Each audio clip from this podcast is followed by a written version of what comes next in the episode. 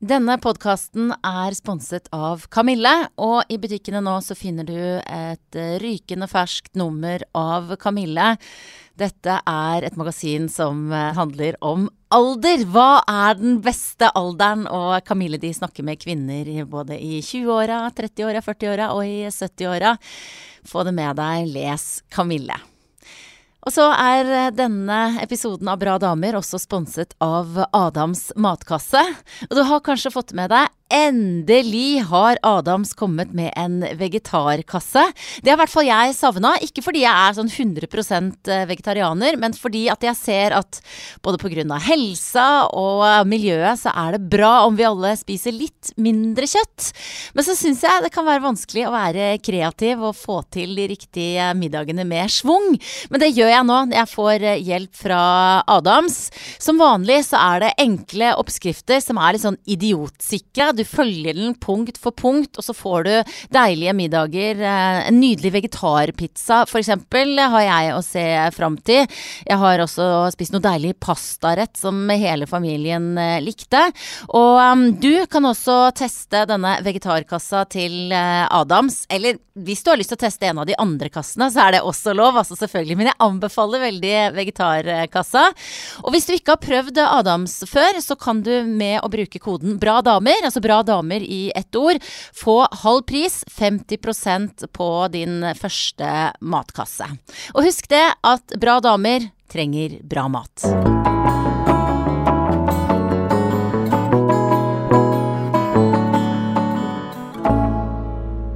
Dette her er altså podkasten Bra damer. Mitt navn er Guri Solberg. Og dagens gjest har jo, som de fleste andre gjester, et fornavn og etternavn. To etternavn, faktisk. Men før jeg skulle i studio i dag, så måtte jeg liksom google og dobbeltsjekke hva etternavnet hennes var. Fordi jeg kjenner henne bare på fornavn. Og det er Dagny. Ja. Velkommen hit, Dagny. Takk for det. Nordvoll Sandvik. Ja, Ja. stemmer det. ja. Det var bra. Da hadde du gjort researchen din. Men for jeg tror at hvis jeg bare hadde sagt det der, så hadde nesten Altså, folk vet bedre hvem Dagny enn Dagny Norvoll Sandvik er, eller? Ja, det er et interessant navn, fordi um, For det første så er det ikke så veldig mange Dagnyer på um, min alder. Nei. Altså Mamma sa jo at hun eh, ga meg det navnet for at hun visste bare om sånne gamle, koselige damer som het Dagny. Mm. Eh, og jeg tenkte at eh, det her, det blir en Dagny. Ja. Og så er det jo liksom det også at uansett altså, hvor du drar i landet, så har de så mange forskjellige måter å si det på. Så har liksom eh, Dagny, og så har du Dagny, og så har du eh, Dagn, eh, Dagny. ja, for jeg sa det med litt kort A nå, kortere Ja. enn deg. Og så har vi liksom i Nord-Norge er sånn Dagny. Som er liksom litt sånn der eh, kjip og negativt ut. Mens i England, så der jeg har jo bodd der lenge, der sier de liksom Dagny. Dagny. Det, det føler jeg er den kuleste måten å si det på. Ja. Eh, Hei, I'm Dagny. Dagny. Men det å være en dame som eh, bærer et eh, artistnavn på den måten, hvordan, altså, var, var det lett å velge sitt eget navn sånn sett? Var det naturlig for deg? Nei, det tror jeg egentlig bare var noe som skjedde. Det, det ble på en måte bare sånn. Um, jeg, som sikkert mange andre um, førstenavnsartister, eh, prøvde jo en periode da å søke på liksom kule bandnavn. Mm. Men det er vanskelig, fordi at det er ingen bandnavn som er kul før du liksom har gjort dem kul.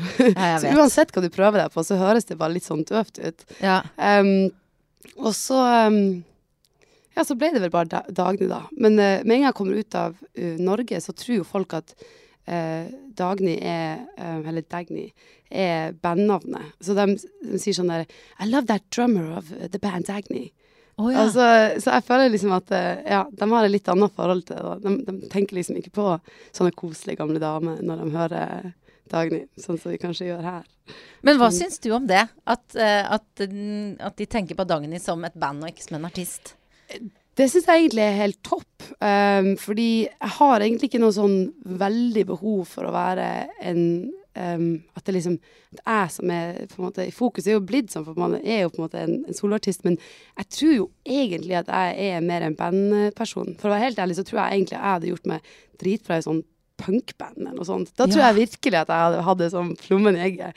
Bare rocke løs på sånne små, skitne, svette klubber og bare slå meg helt løs. Så Ja, for du er jo virkelig en Jeg sa det til deg akkurat når du eh, tok deg imot i døra her for noen få minutter siden, at jeg var liksom Jeg gikk rett på klemmen. Jeg føler at jeg kjenner deg. Eh, og jeg har aldri møtt deg før. Nei, eh, og, men men det har mye med den energien du har, da. Altså, ikke sant? Når jeg ser deg på scenen, så føler jeg liksom Hei!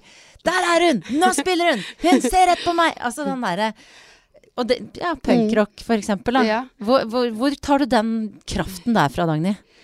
Um, det tror jeg um, Altså, jeg prøver jo liksom å tenke For min del så Så er liksom scenen den plassen som jeg på en måte får slippe ut en sånn energi. Uh, jeg tror egentlig jeg har ganske mye energi. Søstera mi driver jo alltid og tuller med at ikke sånn tullegang, men at jeg har litt sånn ADHD. Har veldig mye energi og er aldri sliten og sånn. Og når jeg kommer på scenen, da, så klarer jeg liksom å slippe alt annet, og så er jeg bare der. Og så får jeg liksom bare ut all den energien. Eh, og så føles det veldig sånn forløsende, på en måte. Jeg, har alltid tenkt at Eller forløsende, så det er det rette ordet? Ja, forløsende, utløsende. Ja, Ja, utløsende, deler, utløsende, ja. Mm. Um, og jeg pleier alltid å si at jeg, jeg håper liksom at alle har noe i livet sitt som, som, eh, som de har det forholdet til. det, At de kan gjøre noe som, som bare får dem til å skru av og bare slippe seg løs og være liksom helt fri da, i en time. Mm. For det er veldig deilig. Og prøver liksom ikke å se for mye sånne opptak av meg sjøl, da, for da, da syns jeg det kan bli litt sånn pinlig. Ja. Jeg, herre, herregud, se på de her movesene der. Jeg har veldig mye merkelige moves.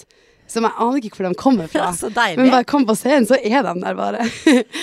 um, men uh, ja, det er ikke det viktigste hvordan jeg ser ut på den scenen. Det viktigste er at man liksom uh, Ja, musikken selvfølgelig, og den følelsen av å bare Den energien som er der.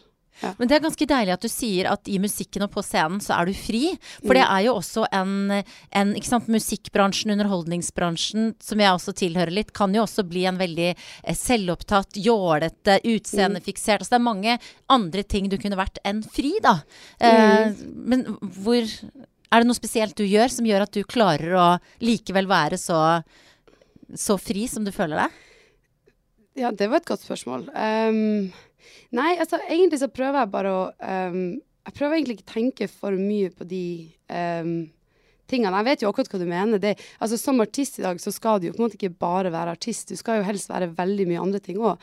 Vi snakka en del om det her, var på en middag på søndag nå. og vi snakka om det hvor få intervjuer du egentlig gjør der fokuset er på musikk, og der, um, der du faktisk Altså, jeg har fått flere spørsmål om hvilken Disney-prinsesse jeg er, uh, og tenker at jeg er, enn liksom hvordan en låtskriverprosess er. Så det er jo veldig sånn press for at du skal være veldig mye mer kanskje enn en musiker eller en komiker eller en skuespiller eller hva du er. Men av og til tenker jeg at det er litt viktig at man bare får være det man er, og man trenger ikke å være alt. Og man trenger heller ikke å gi etter for det presset at man skal prøve å fylle alle de her boksene. For det er jo ikke egentlig det jeg begynte jo ikke med musikk for at jeg skulle eh, vise frem ditt eller vise frem datt, eller at alle skulle innse hvor morsom jeg er, eller skjønner du? Ikke at jeg er så veldig morsom, men liksom alle de, ja, men alle de der tingene som man føler det presset, da.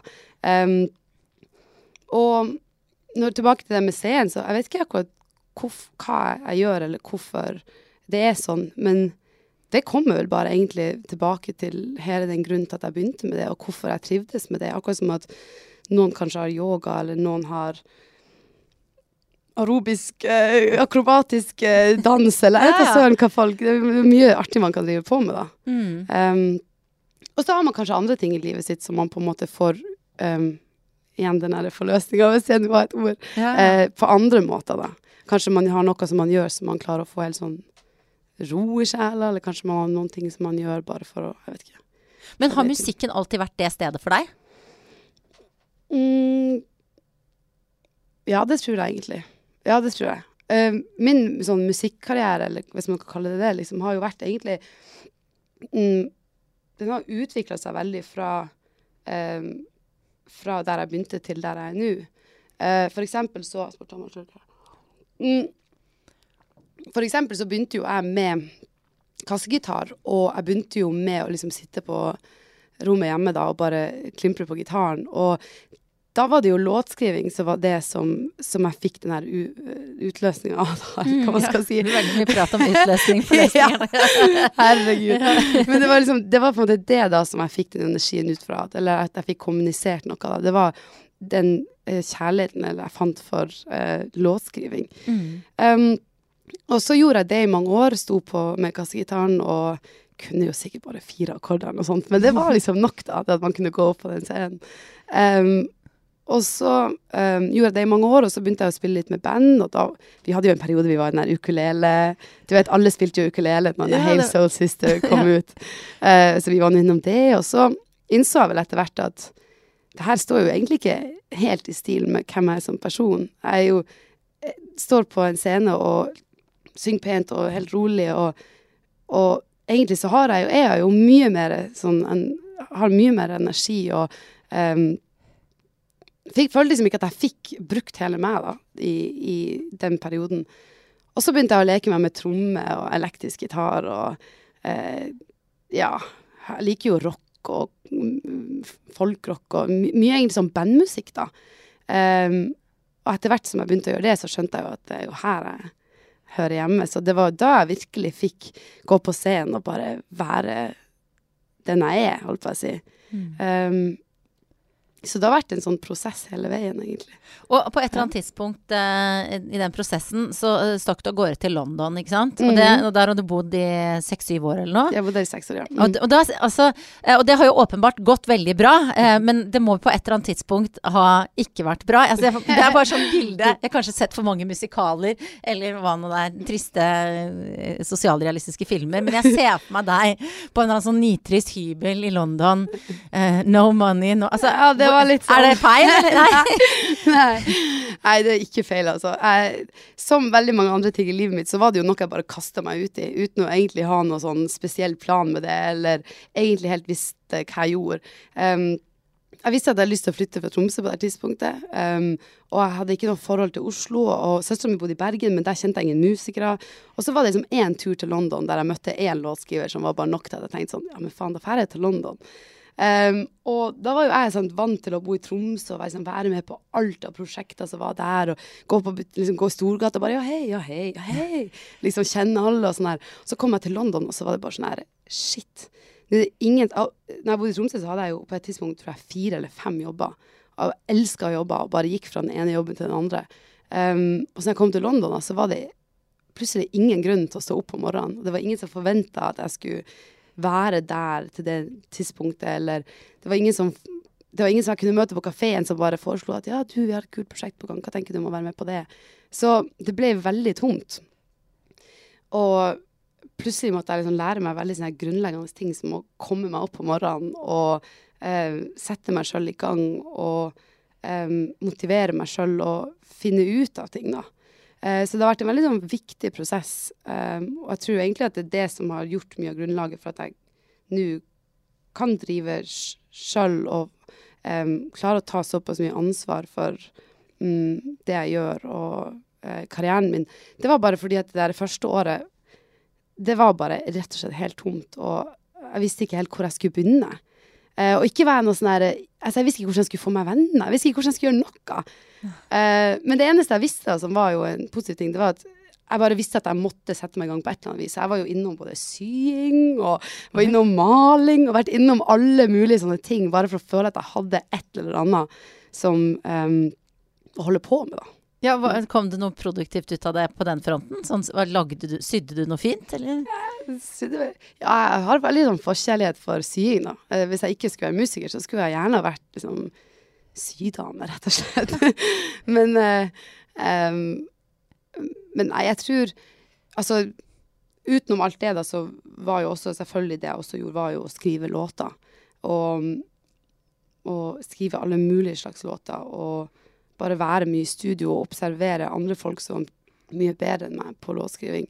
Så jeg fikk jo på en måte på, I den perioden fikk jeg jo kanskje utvikla meg som låtskriver. Og ja, altså det var ikke helt mørkt. Vi var jo fortsatt ute og liksom spilte konserter og sånn. Og det er også noe som jeg alltid mener har vært veldig viktig. Da, og som jeg syns, hvis jeg skulle liksom gi et tips til unge eh, musikere ute der, så er det bare å komme seg ut og spille.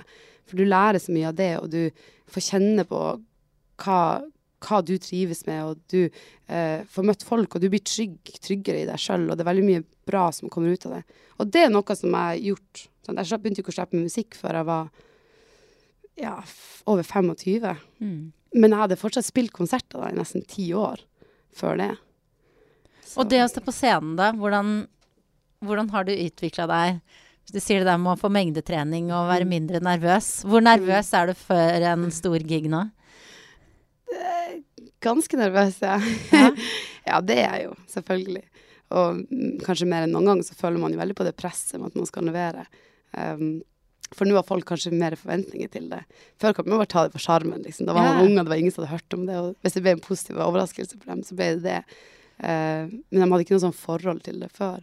Um, men jeg- jeg vet ikke, jeg tror kanskje bare igjen at man, jeg tør nå å gå på den scenen og bare være meg sjøl og ta den plassen. Og um, jeg føler meg nok aldri så ballsy som jeg gjør på scenen. Det er på en måte Mhm. der jeg føler at, at jeg er sterk. Ja. Um, og det er nok noe som er kommet med tida. Mm. Det er en ganske sånn eh, Kan jeg se for meg en litt sånn mektig følelse? For det kan, Absolutt, Klarer du å beskrive det?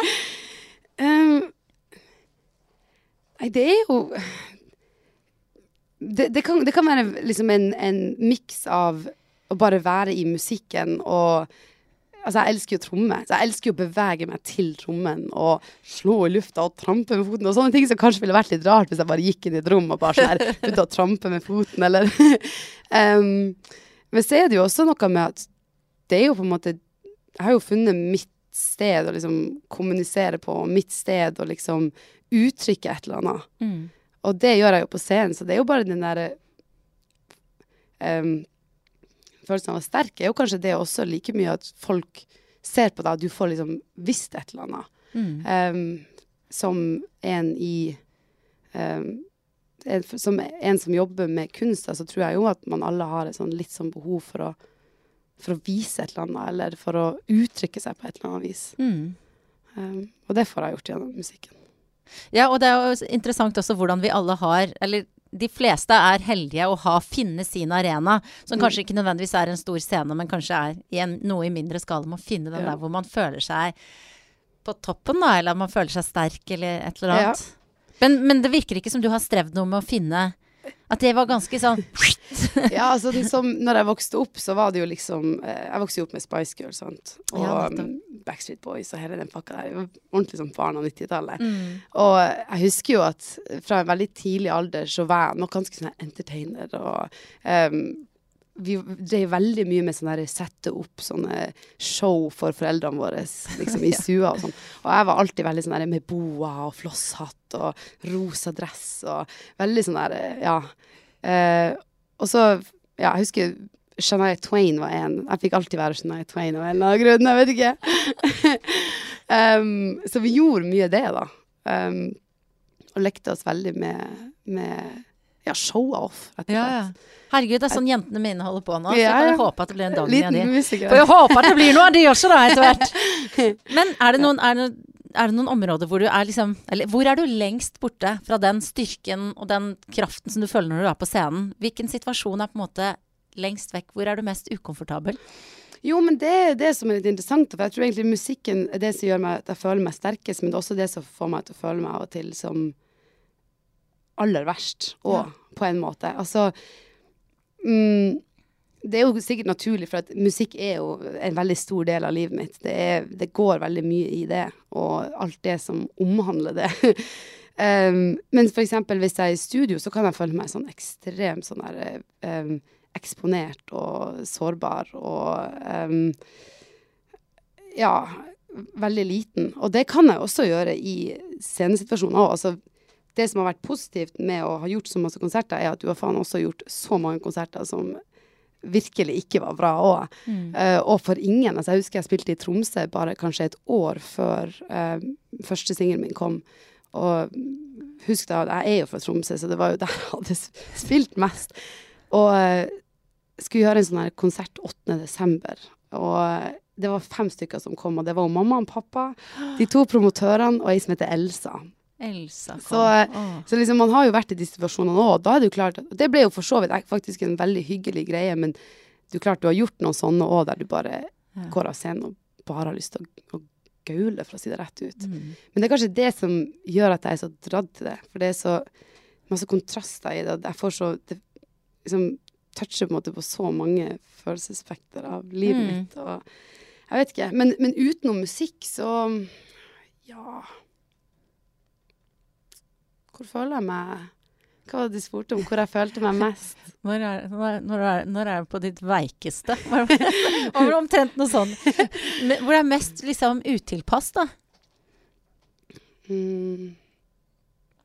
Jeg tenker litt. skal, og det er, noe med, det er noe med at man skal jo ikke nødvendigvis uh, bruke tid på å lete etter det. Skal slippe det. Det er sånn grusomt. For det er jo på en måte ikke sånn uh, en, Det er ikke nødvendigvis noe viktig. Jeg bare lurte på Ofte så har man på en måte litt sånn overraskende uh, Jeg kan for eksempel føle meg sterk og modig på scenen, og det er liksom ingenting som kan ta meg da, liksom. Da er jeg tøff i trynet.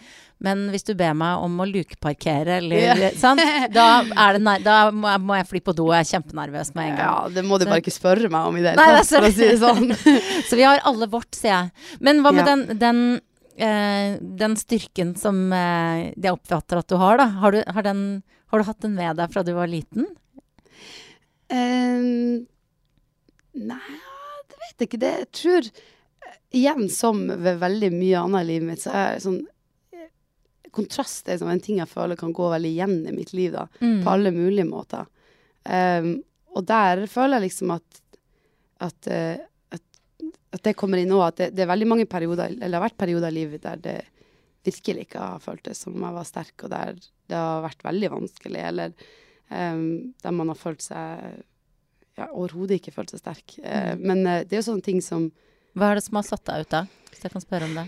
Ja jeg prøver, jeg, ok, nå skal være ærlig, for jeg prøver å jobbe veldig med sånn ærl- ærlighet og åpenhet. For det er kanskje en ting som jeg Ærlighet er jeg flink på, men åpenhet er jeg kanskje ikke så flink på. Men eh, den der perioden jeg flytta til London, um, så eh, så, så var alt veldig nytt, og jeg følte veldig sånn, ut av komfortsonen og kjente ingen. Og ehm, hadde ingenting på gang, egentlig. Og var nok veldig sånn rådvill og ja. Um, og da, da hadde jeg faktisk en, en periode der jeg Nå skal man være så ærlig, for det har vært mye åpenhet om angst og sånne her ting. Og sånne ting er kanskje sånne ting jeg har kjent på også i liksom, unge tenårene og sånn, men eh, i London så var det jo et veldig sånn ehm, i musikkbransjen òg mye sånn dop og sånne her type ting, da. Og det er jo veldig sånn nei til dop og nei til eh, alt som har med, med, med det å gjøre, da. Eh, men det var så mye press at en dag så bare tenkte jeg vet du hva, nå skal jeg faen meg Nå skal skal jeg bare gjøre det så dere er ferdig med det. Så prøvde jeg å røyke litt hasj en Ja. gang. Og det slo meg totalt ut. Ehm, så jeg fikk sånn superpanikkangst i mange måneder etterpå. Kødder du med meg? Uh, nei, sånn skikkelig ille. Um, og noen vil jo sikkert bare synes at det er nesten litt komisk, for det er jo liksom Man, man skulle ikke tro at man kunne få den effekten av det. Men da tror jeg egentlig det var bare en eller annen dør, dør som ble åpna, Mm. og til et eller annet rom inni meg som jeg ikke kanskje hadde vært så mye i, da. Uh, og da ble jeg helt sånn satt ut, egentlig over lang tid etter det. Og, og det var tidlig i 20-årene, og jeg følte på en måte at jeg måtte at hele meg hadde bare liksom datt litt ifra. Jeg måtte bare plukke alle bitene på plass igjen.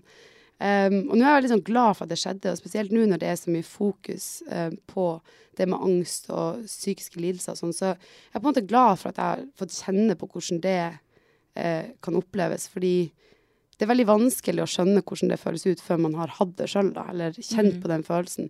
Og da føler jeg at det er lettere for meg å kunne relatere og kanskje hjelpe og lytte til noen som sliter med det nå. For at jeg har jo ikke slitt med det siden da, og det her var jo 2012.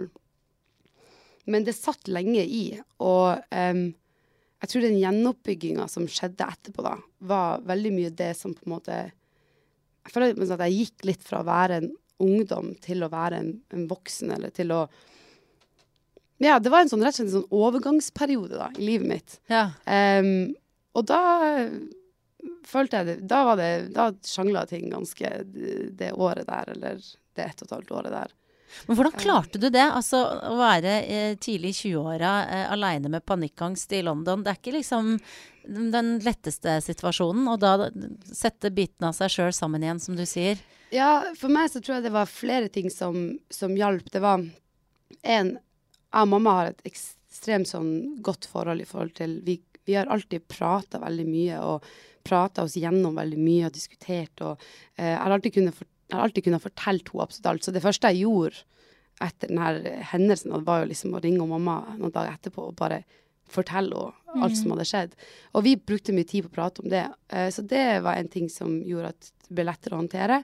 Og så tror jeg det var at um, selv i en sånn situasjon så var jeg veldig opptatt av at jeg skulle klare å sette meg sjøl i litt sånne um, på dypt vann-situasjoner igjen. Så for eksempel ei uke etter at denne hendelsen hadde skjedd, så dro jeg til Tromsø og så gjorde jeg den største konserten jeg noen gang hadde gjort. Jeg varma opp for Elton John i Skarphallen foran 10 000 mennesker. Og da var det sånn her ligge på sofaen og bare gaule, og så ned og spille konsert for 10 000 mennesker, og så komme hjem igjen. Uh, og jeg tror alle de der små tingene der, eller store tingene, og det å på en måte fortsette å, å pushe seg litt ut av komfortsonen og gjøre de tingene som man fikk en sånn mestringsfølelse igjen, og man så at selv hvor vanskelig ting kan være, så er det eh, så, så, klarer jeg å håndtere det her og det her. Det blir sånne små sånne ja. eh, seire da, i hverdagen. Det hjalp meg etter hvert, tror jeg, å en stole på at jeg, at jeg var sterk, og at jeg, at jeg klarte meg, liksom, for det. Um, og så var det da um, Og igjen, det som gjør at jeg syns det er så viktig med åpenhet rundt de her tingene, det var å faktisk bare lese om andre som um, ja, hadde opplevd lignende ting, da. Mm. Uh, det ble veldig sånn trøst i det å liksom, vite at man ikke var alene, og kanskje google noe som virker sånn superskummelt, og man tenker at man er den eneste i verden som har tenkt på det eller føler på det, og så ser man at det er masse andre folk òg. Mm. Selv om det er jo fælt, man vil jo ikke at noen skal føle sånn, så blir det en slags trygghet i det òg. Og man vet at det liksom Ja, men det, det går bra, selv om det er tungt, da. Mm. Ja. Så, så, Tidligere i dag så, så jeg faktisk eh, første episode av nye sesongen med 'Jeg mot meg'. Ja, Har du sett så, den? Ja, ja, og det er jo akkurat det du sier, ikke ja. sant? Hvor det er eh, en gjeng mennesker med ulike utfordringer som, som, har litt den samme opplevelsen som du hadde når du satt og googla. Mm. Ja, sånn har jeg. Sånn kjenner jeg det også. Så det viktig det viktig. kan være. Jeg, jeg, tror det, jeg syns det er så viktig, og jeg syns det er mange som har gjort en så god jobb, f.eks. Kristine Danke, og, mm. eh, og, den jobben hun gjør for å liksom være um, en et fjes utad, og en, også en person som mange liksom ser opp til, og som anses som en veldig sterk dame, som, som hun er. da. Eh, at hun liksom da tør å være så åpen og si at hun har mm. eh, slitt med angst, og, og i dag i tillegg lage en podkast som kan lære folk om, om, angst, og som folk som har angst, kan lytte til. For det er jo, det er jo veldig mye sånn Jeg visste, jeg hadde aldri putta det ordet i munnen min liksom, før jeg plutselig innså at jeg hadde det sjøl. Ja. Jeg ante liksom ingenting om det, da. Um, og, jeg, og jeg, jeg syns det er så fint at liksom NRK lager en sånn serie mm. som setter fokus på det. For det er så mange som sliter med et eller annet, og det er så mange som um, som man ikke ante. Altså når man treffer dem, eller um, Ja, så aner man ikke hva som skjer liksom, inni kroppen. Og derav også syns jeg det er veldig viktig at man liksom behandler folk bra, at man er hyggelig og snill, og um, at man møter folk på en ordentlig måte. Fordi at det man, vet jo egentlig veldig lite om hva mm. som foregår inni folk, da. Mm. Og du møter jo sikkert ekstremt mange mennesker òg, i, i, jobben din. Så ja. Hvordan føler du at dette her er en leveregel som folk eh, rundt deg og i din bransje er flinke til å følge? Møter du ålreite folk? Ja, veldig. Det syns jeg. Det er ekstremt sjeldent om noen ganger at jeg føler at vi har møtt noen som um, Ja, jeg føler at vi møter veldig mye fine folk. Mm. Um, og jeg er veldig opptatt av at mitt team og oss liksom skal ha en OK måte å, um, å være på. Um, og også svare på. det kan være sånne enkle ting som å svare på mail. Jeg synes at Man, man trenger ikke å være sånn der 'Hello, hvordan går det i livet ditt?' Ja, for, liksom, håper det er bra. Man trenger ikke å ta liksom helt ut, men at man liksom er OK, da, å ha med å mm. gjøre. Det syns jeg hvis du nå på et eller annet tidspunkt i denne podkasten skal spørre meg hva en bra dame ja. så Kan godt ta det nå. Ja, det syns jeg egentlig um, like På samme måte som det å være et bra menneske, så syns jeg det er å, å være snill står veldig høyt opp på den lista. Mm. Um, det skal egentlig ikke så det er mange ting som kan definere en bra dame, og det kan være ut ifra om man definerer det fra suksess, eller om man definerer det fra penger, eller hva. Men det er som, ikke så opptatt av det. Det jeg er opptatt av, er at man er liksom mm, snill, og at man er raus, og at man eh, ikke dømmer folk, og at man eh, eh, ja, gode gamledagse tar litt vare på hverandre, da. Ja. Um, for min del så er jo liksom mamma og søstera mi de beste damene jeg vet om, og de er sånn derre eh, De dømmer liksom ikke hvis man har gjort noe feil, og de prøver så godt de kan i de tingene de gjør, eller de jobber så hardt de kan i de tingene de gjør, og så eh, prøver de, og så feiler de litt, så prøver de litt til, og det syns jeg er helt topp. Det det man Mm. Det syns jeg er det man skal Ja, det er jeg opptatt av, da. Man bare prøver å feile, og så er man hyggelig å ha med å gjøre. Ja, altså å møte, møte omverdenen med en mors raushet. Det er, for Ja. det er jo sånn som, sånn som en mor ser på både feilene dine og suksessene dine. Det Ja. er jo sånn man skal prøve å se andre mennesker. Ja. Jeg tenker man kan prøve å være den personen som man sjøl ønsker å, å møte, Ja. egentlig. Mm.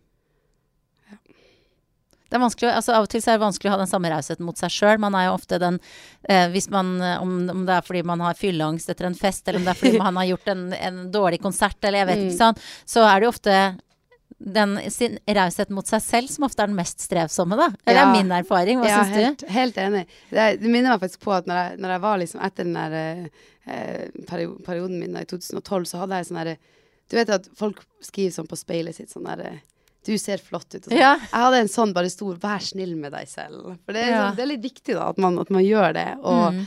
eh, det syns jeg er veldig interessant med den serien eh, som vi så nå på NRK, at det liksom Folk de er så harde mot seg sjøl. og allerede bare å komme inn um, til den her eh, seansen de har da, i den serien, så tenker de å, tenk hvis jeg ikke er interessant nok, eller jeg er morsom nok, eller jeg sier viktig nok. Og det er litt sånn som jeg tenkte når jeg kom inn her. Så jeg tenkte, «Gud, skal vi gjøre en podkast, hva hvis jeg ikke har noe å komme med, liksom. Mm. Men er du, er, er- du redd for det? Ja, eh, absolutt. Kanskje spesielt i musikken. Mm. Um, fordi som sagt, jeg prøver ikke ta på meg at jeg nødvendigvis må fylle alle boksene for at jeg skal kunne være musiker. At man trenger ikke å være den morsomste, eller man trenger ikke å bestandig ha de eh, mest sånn derre Altså, man, man trenger ikke å være liksom alt, da. Men, um, men jeg tenker jo mye på det om jeg har noe å si i musikken, og hva er det liksom budskapet jeg prøver å komme med i, i låtene og sånn. Mm. Um, ja, det tenker man jo på. Og så er det eh, dette med å være kvinne i musikkbransjen, som jeg har snakka med en del av dine kolleger om i denne podkasten. Hvordan man blir oppfatta, men kanskje også eh, når man gjør det så bra som deg. Eh, I hvor stor grad syns du det har vært en utfordring å å være den du ønsker å være, da, eh, kontra å bli plassert i en bås. Og for eksempel altså, å være en babe eller en spille med på sex. Altså, en babe er du i ordets uh, positive forstand. Jeg tror aldri jeg har vært en babe. Jeg vet ikke om det blir det. Noen ganger det høres det ikke så veldig redd Men uh, ja, du skjønner spørsmålet, selv om det ikke Ja. var helt sånn to the point formulert. Um, overraskende lett, syns jeg egentlig. Um, fordi um, Ja, fordi Nei, jeg har egentlig har aldri hatt noe sånn problemer med å egentlig bare være akkurat de her årene vi døde på, så jeg har ikke hatt noe problem med å bare være den jeg er, og på en måte bare um, tørre å stå i det. Altså for eksempel når det kommer til altså, babe-faktoren, da. Så altså, jeg liker jo liksom vintage og uh, kler meg jo ofte mer maskulint enn feminint på mange måter, og har egentlig aldri Altså, ordet sexy har vel aldri vært et veldig passende ord for meg, så det er jo liksom Det har egentlig bare Hvis noen hadde prøvd i det hele tatt å skyve meg den veien, så tror jeg alle hadde merka ganske fort at det hadde ikke funka. Ja, for du går altså på scenen i veldig mange kule dresser, av og til litt, litt sånn eh, Hva skal jeg si, Se sånn CSI-aktig hvite altså, sånn, Det er Ja. mer sånn rart og morsomt og kult enn det er ja. Ja, vi hadde jo på denne turneen, vi var på en svær sånn her USA-turné i fjor, to måneder. Og um, alt skjedde på ekstremt kort tid. Um, så vi hadde jo kommet til liksom, Los Angeles, skulle begynne turneen, og hadde jo ingen idé om liksom, hva man skulle ha på seg. Så vi endte med å gå på Amazon og bestille sånne her uh, boiler suits. Å ja, det var det! ja. Var det jeg så. Så Jeg sette sett det på Instagram. Ja, ja. Og det, skal, det tror jeg faktisk er det aller beste sceneantrekket jeg gang har hatt. Jeg trivdes så godt i den dressen at det er nesten så at jeg føler at hvis jeg kunne gått i sånn boilersuits hver dag, så skulle jeg faktisk ha gjort det. um, Men det, ja. Så nei, det har liksom Det har vært mer sånne ting da som jeg liker. Ja. Mm. Og så husker jeg, må jeg fortelle, du var, spilte på Dette her var VG-lista for altså ikke sommeren som var, men før der igjen. Mm. Hvor du hadde på deg den derre sorte og hvite um, rutete dressen.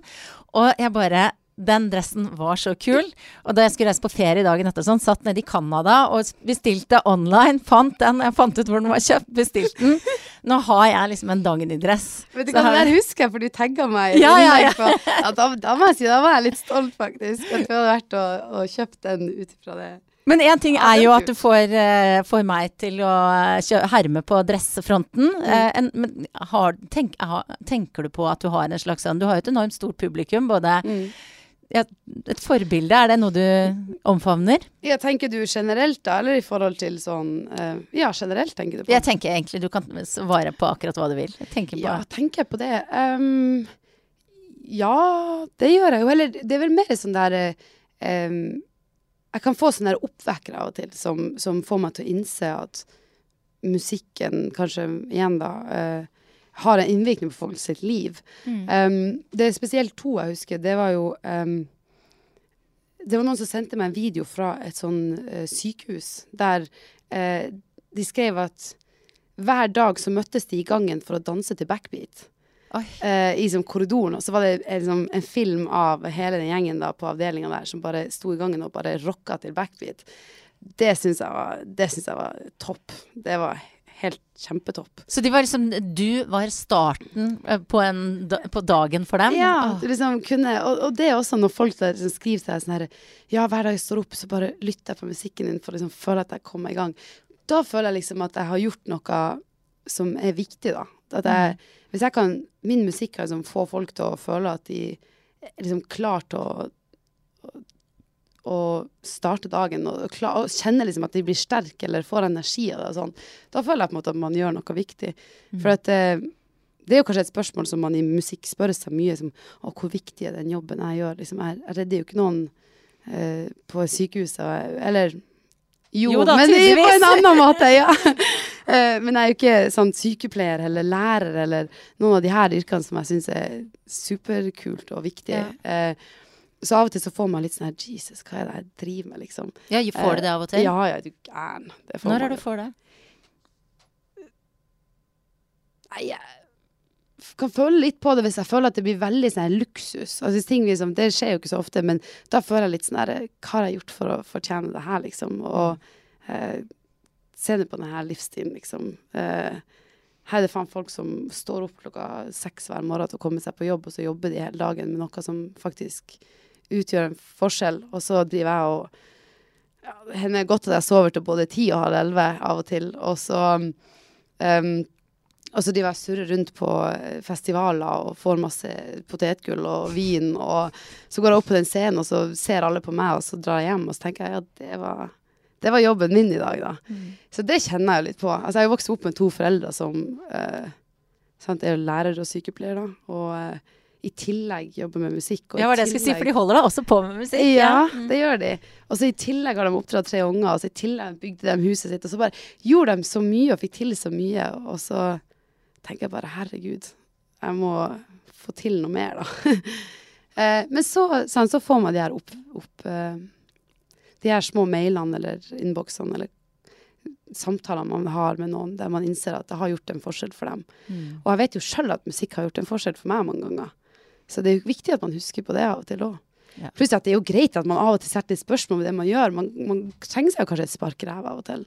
Ja. Det må jo være greit. Det er jo en sånn balansegang mellom det å på en måte være bevisst hvor privilegert man er, Ja. da. Altså, jeg tenker i hvert fall ofte på det at, uh, at jeg har det nesten hver eneste dag veldig gøy på jobben. Mm. Uh, og gjør masse tullete, rare ting. I dag har jeg leda en eller annen konkurranse hvor de skulle snekre en hylle. Altså, hvem kan Uh. kalle uh. Det vil jeg være med på. sant.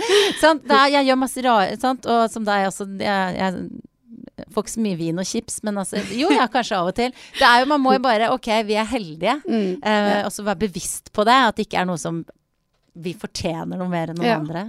Men derav igjen så, så tenker jeg at liksom da kan man jo på en måte kanskje gjøre litt sånn ekstra innsats av og til for å sånn, bruke noen ekstra timer i studio på å faktisk klare å fortelle historier som faktisk snakke om noe som er reelt, og noe man har følt på. Eller, Mm. For der kan man snakke til mye folk gjennom det.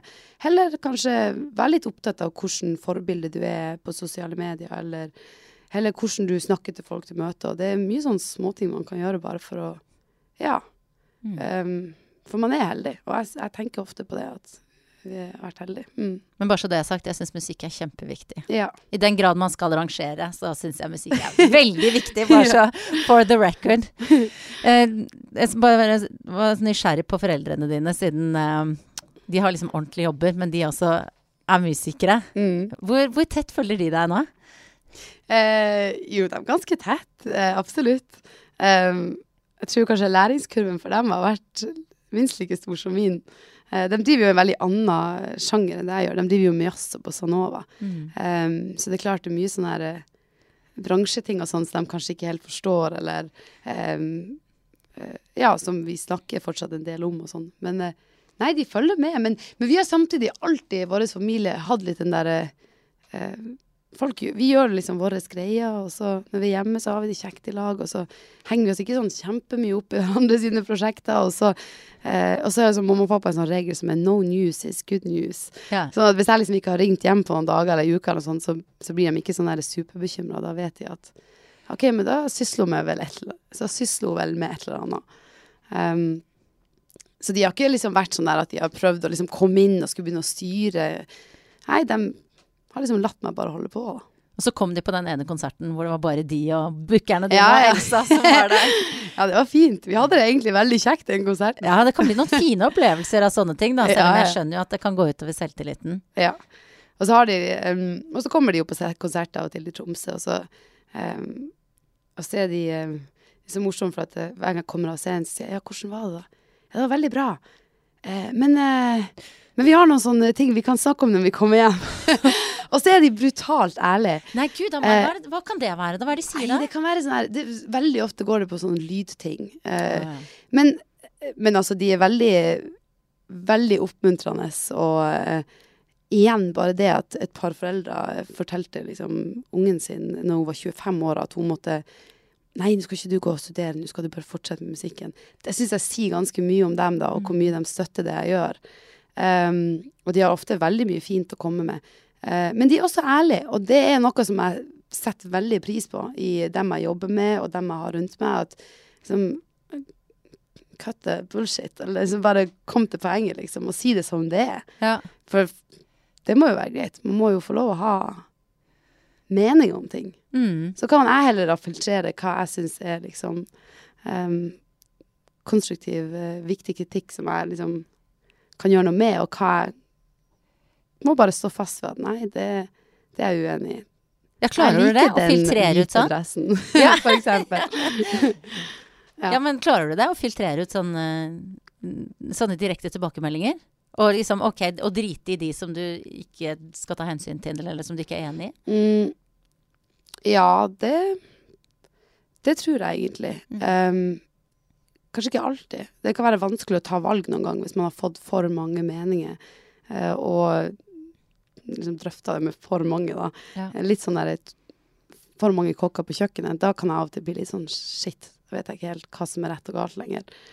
Mm, men, jeg opp, men jeg har alltid vært eh, veldig sånn opptatt av magefølelse. Um, og at man på en måte prøver å følge den. Og hvis man ikke følger den over litt for lenge, så føles det ut som den blir liksom borte, så da blir jeg ekstra opptatt av at jeg må begynne å følge den igjen. Em, men jeg syns egentlig det å ta kritikk i forhold til det jeg gjør, er ganske enkelt. Det, jeg syns det er verre å ta sånn kritikk eh, på sånn personlige plan. Sånn derre Du må bli flinkere å stå opp om morgenen. Ja. Da kan jeg bli litt sånn «Øh, Og så skal jeg begynne å forsvare hvorfor jeg sover litt lenge av og til, eller sånn.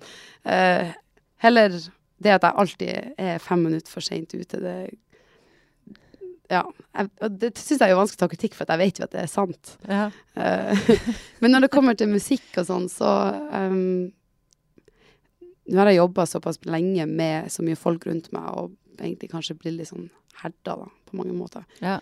Um, ja.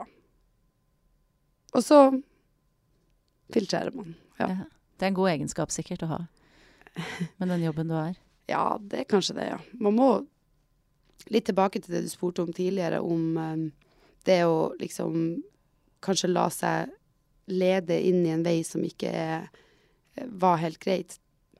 Det har jeg jo gjort mange ganger. Det har jo vært tilfeller av det der jeg har sett etterpå at nei, faen, det der var jeg jo egentlig ikke helt enig i, eller der var jeg ikke helt sikker på. Hva kan det ha vært, da? Nei, musikkvideo, for eksempel. Mm. Jeg har alltid hatt sånn litt sånn anstrengt forhold til musikkvideoer.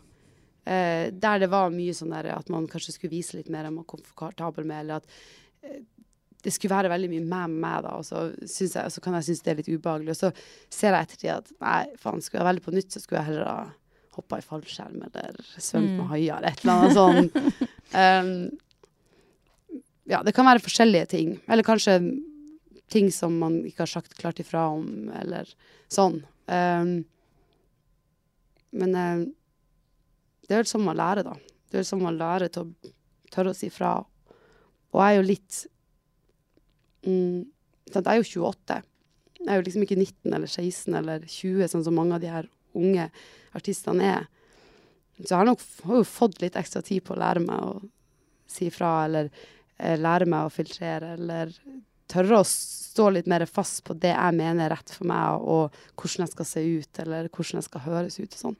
Mm. Men det kan jo hende det at du er så tydelig og god på å si fra, og gjør det litt lettere for dem å gjøre det òg, da. De som er ti år yngre. Ja, det håper jeg. Mm. Mm, det håper jeg absolutt. Du, jeg, jeg- unnskyld. Nei, jeg skulle bare Mm. si, men jeg syns det virker som at mye av de her unge artistene i dag, de virker som de har bein i nesa. Altså. Ja, fy søren, altså. Ja. Jeg er bare imponert. Ja, Jeg, jeg vet ikke om jeg hadde klart det samme på den alderen. Ikke men jeg ja, veldig bra jobba, alle de. Ja. Mm, Så det, kanskje de har lært litt av deg likevel. kanskje. Men du, jeg vet jo det at nå Så jeg så på turne- turnélista di eh, for å se eh, liksom, Hvor travel er du nå? Liksom, du har liksom noen rolige dager nå, så skal du spille ganske mye. Da er det både her og ute i Europa og sånn. Mm. Eh, det, men når du nå har La oss si du har en uke nå hvor i hvert fall ikke Du, skal, du skal ikke spille konserter. Hvordan er, du, hvordan er dagene dine da? Um, ja eh, Det varierer veldig. Ja. uh, Nå skal jeg jo spille, spille onsdag, fredag, lørdag. Ja. Eh, men, eh, men Så det var en rolig uke i mine øyne, da. Ja. men det var bare det at jeg har mandag og tirsdag fri. er jo- det kommer litt an på. Um, av og til så så tar jeg den, kanskje den mandagen for eksempel, da, til å bare uh, ta livet med ro. Det Mhm. skjer ikke så ofte, men det skjer av og til. Em, og spesielt hvis jeg må Stemmen må få litt tid å roe seg og sånn. Mm. Um, men det blir jo sånn møter, eller regnskap, eller eh, skrive musikk, eller være i studio. Men når du tar livet med ro, hva gjør du da? Jeg er ikke så veldig flink til å ta livet med ro, så kanskje litt Det er mer den håpet om at jeg en dag skal, skal klare å ha en hel dag uten å gjøre noe som helst. Um, nei, da eh, Aller helst så tror jeg jeg er ute. Nå i sommer så var jeg litt sånn ekstra flink på å ha litt sommer òg, da. For første gang på mange år. Så da var det liksom bada i havet, eller grilla, eller sykla mye, gjorde vi. Vi har fått sånn bysykkel, og det er jo genialt med bysykkel. Eh, så jeg gjorde det. Um, være på middag med venner. Sånne ting som jeg på en måte i første halvdelen um, av 20-årene mine ikke var spesielt flink på. Eh, å ta tida til å gjøre andre ting, og um, bare være med venner og sånn. så det har vært veldig deilig i sommer. Å Mm. kunne dra på festival og sånn, men også, også gi seg litt tid til å bare være. Og eh, fylle på med litt andre input. Mm. Og da kommer låtene bedre da, eller? Når er det de kommer best? De kommer best når jeg enten har det ekstremt bra, eller har det ekstremt eh, ikke så kult. Mm. Um, ja, altså Jeg tror jo at mus musikken kommer jo Eller tekster og sånn kommer jo av at man har kjent på et eller annet. Så man må jo tørre å være åpen og mottagelig for å kjenne på ting, for at man skal kunne skrive om det. Og det er nesten det som er aller vanskeligst. At man ikke bare fortsetter å rulle og gå, men at man faktisk av og til stopper og bare kjenner på ting. Ehm, så det er jo f.eks. når man er forelska, så er det lett å skrive, for da kjenner man på noe veldig sterkt. Mm. Um, Og da er det lettere at de her linjene kommer, fordi at da er faktisk det tilfellet. Hvis du skriver linja når du ikke føler det, så tenker du herregud, det her høres jo helt dust ut, eller det her er jo superklisjé, eller noe sånt. Men når du faktisk føler det, så vet du jo at en grunn til at det er klisjé, det er for at det faktisk er sånn det føles ut. Ja, ja, ja. Så da er det litt lettere. Mm, ja. Da er det lettest å skrive. Når man er forelska. Ja, hvordan, eh, hvordan, hvor er du nå, på en måte? Du, kommer låtene bra nå? Det, du ser jo i hvert fall ikke trist ut, men det, Nei. Nei, jeg har det veldig bra om dagen. Ja. Skriver du låter? Ja, jeg skriver låter, ja. Mm. Mm. ja. Men er du sånn, sitter du da hjemme, eller er du i studio? Jeg er da i studio. Ja. Jeg jobber med produsent og gjerne en til låtskriver. Ja. Jeg kunne vært flink til å skrive musikk alene, for at jeg, da får jeg liksom ingen å kaste ball med. Og da er det veldig vanskelig å vite hva som er bra, og hva som ikke er bra. For av og til så må du liksom si det høyt for å skjønne at det var ja. en skikkelig dårlig eller en skikkelig bra idé. Men igjen, sånn apropos sånn ærlighet og kritikk og sånn, da må du jo være ganske klar for det, da. For at man kan jo, da må man liksom tørre å drite seg ut, og tørre å bare høre at Nei, det der funker ikke i det hele tatt. Ja, altså hele låtskriver Altså en låtskriverprosess er jo egentlig en supermerkelig greie. For du kommer som regel inn i et rom med to som du aldri har møtt før, og så går du rett på So what's going on in your life? Og så skal du liksom begynne å brette ut uh, livet ditt. Og så har du gjerne en sånn to-tre timer, eller kanskje to timer med bare sånn superterapitime, da. Ja. Der alle bare forteller alt, og så det, kan det bli ganske sånn dypt. Og så skal du skrive noe om alle om et eller annet du var innom på Ja. de to timene. um, så man blir jo veldig sånn fort kjent med folk. Uh, og det kan hende at man av og til aldri ser dem igjen, eller aldri skriver med dem igjen. Men uh, du måtte fortsatt tørre å være så ærlig at du fortalte de historiene. Ja, det høres ut som et sånt eh, gruppearbeid fra himmel skråstrek helvete. Altså alt ettersom om det funker eller ikke. Ja, ja det, det er definitivt det. Du merker fort hvis du har en kjemi med noen. Altså, Mm. Låtskriving er jo kjemi, det òg. Mm. Um, men um, ja. Jeg tenker at uh, mitt liksom, prosjekt de siste året har egentlig bare vært å, som jeg sa, bli mer åpen mot dem som er rundt meg, og tørre å si mm, ting som er bra, ting som er dårlig. At man tør å være mer ærlig med det man føler. Og sammen med musikken òg, at man faktisk tør å si noe som er ærlig. Mm. Selvfølgelig uten å prøve å overlevere noen andre, for man har jo litt sånn ansvar for om man ikke driver og um, eksponerer noen andre som kanskje ikke har så lyst til å bli Ja, for du skriver lå låter om, om følelser der andre er involvert også. Ja. Ja. Må, du Mm. av, må du ofte liksom tenke nøye gjennom sånne ting? Eller er du i sånne situasjoner ofte? Ja, jeg pleier ofte å tenke sånn um, Ville jeg tort å sagt det her til den personen, eller ville jeg tort at de skulle sette seg ned og høre på den låten mens jeg satt og så på dem? Mm. Og faktisk stå inne for det, eller uh, Ja, eller tørre å si det, da. Um, av det kan man jo pakke det inn, men um, Men jeg kjenner jo litt på det av og til at hvis jeg blir veldig nervøs for at en person skal høre den låten, uh, så er det vel kanskje fordi at jeg har noe litt usagt, eller Ja. At jeg kanskje må ta den samtalen før jeg slipper den låta, eller jeg vet ikke. Jeg hadde Hedvig Montgomery, psykolog, som gjest her i Bra damestudio. Hun hadde et råd. Det gjaldt ikke låtskriving, men det gjaldt sånn eh, mye om hvordan vi deler så mye på sosiale medier og sånn. Ja. Altså, altså våg å bli litt nærmere dine aller nærmeste, er hennes Ja. tips. For det er så vondt for de næreste pårørende hvis du deler hva skal jeg si, angst, kjærlighetssorg, alt med hele verden, men Ja. ikke med dem. Så nå parafraserte jeg henne litt, men det er vel litt det samme, da. At eh, hvis du ikke kan si det til dine nærmeste, så kanskje man ikke skal legge det ut på bloggen. Jeg er helt Eller enig. sangen. Og at jeg tror at det er bra med åpenhet, og um, at folk eh, tør å være ærlige om ting.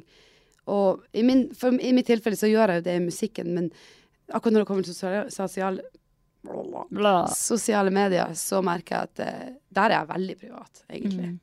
Jeg syns Der syns jeg egentlig det er veldig sjeldent at jeg poster hvis jeg f.eks. Um, Ja, eller om kjærester, eller om veldig sånn personlige, intime ting. For da syns jeg egentlig at du liksom gir andre rett til å liksom dømme hva du egentlig skal føle om det. For tenk hvis du legger ut et bilde om den her badestranda du var på, og så får du litt lite likes, tenker du det var kanskje ikke så bra på badestrand likevel. Heller hvis du får ekstremt mye likes, så bare ja, det var ei flott strand det der. altså, skjønner du? Liksom, Ja. Med sånne nære ting så vil jeg liksom ikke at, at det skal være Det skal liksom være Ja, man må holde noen ting eh, liksom um, Det er greit å ha noen ting som bare er for deg og dine, liksom. Mm. Det, sånn har jeg følt, i hvert fall. Mm. Jeg syns ikke at det er feil at andre deler, men jeg kjenner at jeg er litt opptatt av at det er noe som føles ikke så offentlig, da. Mm. Mm. Um, jeg spurte om du kunne ta med noe som Nei, Sant. gjorde du det? Har du, har du glemt det? Um, la meg bare se det hva jeg, så, har for her. Grunnen til at jeg nølte litt når jeg stilte spørsmålet, var Husket jeg det? har du noe i bagen din, Dagny, som sier noe om hvem du er? Altså, jeg lever jo ingen sted, så jeg har jo som regel alt som jeg eier med meg. Men du, har, du, har du fortsatt ikke noe sted å bo? Nei, men jeg er på leilighetsjakt, og Så bare du- kom rett fra ei leilighet nå Ja, så den bra ut? Jeg hadde drømmeleilighet da. Oi. Det var andre gang jeg var innom der. Mm. Um, Snus har du med. Snus er jeg med. Det vil jeg ikke skal være min ene ting, for det hadde vært trist. Um, vet du hva? Den. Den kan jeg ta med. Jeg vet ikke om den sier så mye om meg, men Et smykke er- med sånn uh, åpne dings. det er en sånn. Um, um, Hva det heter det her, da? Sånn, sånn når du åpner en ølboks eller en colaboks, Ja. den derre ringen som liksom du drar i. Du drar av. ja. Veldig god beskrivelse. Ja. Den har du rundt halsen. Den har jeg rundt halsen fordi at Jeg er ikke spesielt overtroisk, men uh, det er sånn par uh, ting jeg har fått for meg at uh, jeg blir sånn fryktelig overtroisk på. Det her er en av dem. De her tør jeg ikke å ta av, for det, da tror jeg det er litt sånn ulykke. Så det her, det her er egentlig Det her er en som jeg har fått hos et selskap. Um, men den fikk jeg fordi jeg var på Lindmo, og da hadde jeg på meg smykke Ja. som jeg da hadde lagd sjøl, for det var en sånn liten sånn boksåpner fra turnébussen vår i USA. Oh, ja. og så har jeg også en fra Blårock i Tromsø, som var der jeg jobba og på en måte begynte å Når jeg begynte å komme inn i musikk Uh, eh, Begynte å spille konserter og sånn, da. Så jeg har to hjemmelaga, og så gikk jeg på Lindmo med dem. Og så var det et selskap som ringte meg og bare Hei, du, vi lager de der eh, i sølv på ordentlig. Så fikk jeg det, da. Oi. Um, og så har du en sånn liten om, Ja. med en sånn meditasjons-om. ja. Og så har du også bare en, um, en liten sånn um, skrue. Ja, ja, ja. eh, som jeg fant i et av de vannene jeg var og bada i sommer. Å, så fint. Så det er sånn tre litt sånn fine minner rundt halsen. Eh, Og hva, hva er du redd skal skje der hvis du ikke går med dem? ja, da får jeg litt sånn der Hvis jeg kunnet, hvis jeg hadde tatt de av før jeg skulle på scenen, eller noe sånt, så ville jeg følt at det her ikke ble til å gå så bra. Ja. Så jeg vet ikke, man skal kanskje være forsiktig med å bli så superovertroisk med sånt, men akkurat de her, de har jeg på alltid. Og så var de veldig fine òg. Det passer jo bra. Jeg syns det. Ja, veldig Takk. fine. Ja. Dagny, du vet sikkert at jeg har tre sånne kjappe spørsmål som jeg stiller alle intervjuobjektene mine. Mm. Eh, hva spiste du til frokost i dag? Um, I dag spiste jeg I dag var jeg litt dårlig med frokost. I dag spiste jeg bare en kiwi på veien til det møtet som jeg var litt seint ute til. Ja, Og når, når du da står opp og spiser den kiwien, er klokka da elleve, eller hvor lenge? Jeg, jeg skal ikke dømme deg, jeg er bare nysgjerrig siden du har sagt du sover litt lenge. Jeg må huske at liksom mandag og tirsdag er litt sånn helg for oss Mm. musikere. da. Ok, så du sov da- til ett. Jeg sov, nei, jeg sov til halv elleve. Å, så deilig. Ja. Hvor lang tid brukte du på å finne ut hva du skulle ha på deg i dag? Um, du, det gikk ganske kjapt, fordi som sagt så lever jeg jo i en koffert, og det har jeg gjort Mm. nå i nesten et og et halvt år. Ehm, og den kofferten begynner å gå litt tom for rene klær, så det var egentlig det var egentlig det jeg fant i Og nå høres det ut som Dagny har på seg skikkelig stusslig antrekk, men den er jo bare meget velantrukket som vanlig. Med eh, caps eller sixpants, Doors-T-skjorte i svart og en veldig kul eh, sånn dressaktig bukse med høyt liv. Så det ser smashing ut, det. Boots! alltid, ja. Ja. Doc det har jeg alltid på meg. Eh, altså, Som i alltid, måte? Ja, som i nesten hele året. Ja. Jeg føler at jeg, hvis jeg en dag skulle være ferdig med musikkarrieren, så må Doc Martens bare ringe meg og si at jeg er ansatt hos dem. ja. Fordi eh, jeg har prøvd dem gjennom all slags vær. eh, og all slags terreng, Ja. egentlig. Så ja, Doc Martens har jeg alltid på meg. Og så ja, jeg har på meg en skinnjakke. Jeg er veldig glad i jakka. ja. Ja, du Mm. så ut som den popstjernen du er da du kom eh, svingende inn døra her. Når hadde du sex sist? Uh, ja um, Det var ikke så mange dager siden, nei. Mm. Jeg føler at jeg utleverer mye for det. Jeg jo, ble jo singel, da, i vår. Mm. For første gang på nesten syv år. Det var en du traff i London Ja. da du var der. Mm. Så um, det er jo litt uvant situasjon å være i. Men, Mm. uh, og så har ikke jeg sagt så mye om hvordan ting har vært siden da. Men uh, la meg bare si at det var ikke så lenge siden. Mm, det var Nei. et par dager siden. Nei, men det er godt å se et forelska smil på nært hold. Du, ser ut som du har det fint, Dagny. Og jeg er veldig glad for at du var med i podkasten min. Ja, veldig glad for at jeg fikk være med. Ja, fader, altså. Det er veldig koselig å prate med deg. Ja, Ja. Tusen takk for praten. Takk.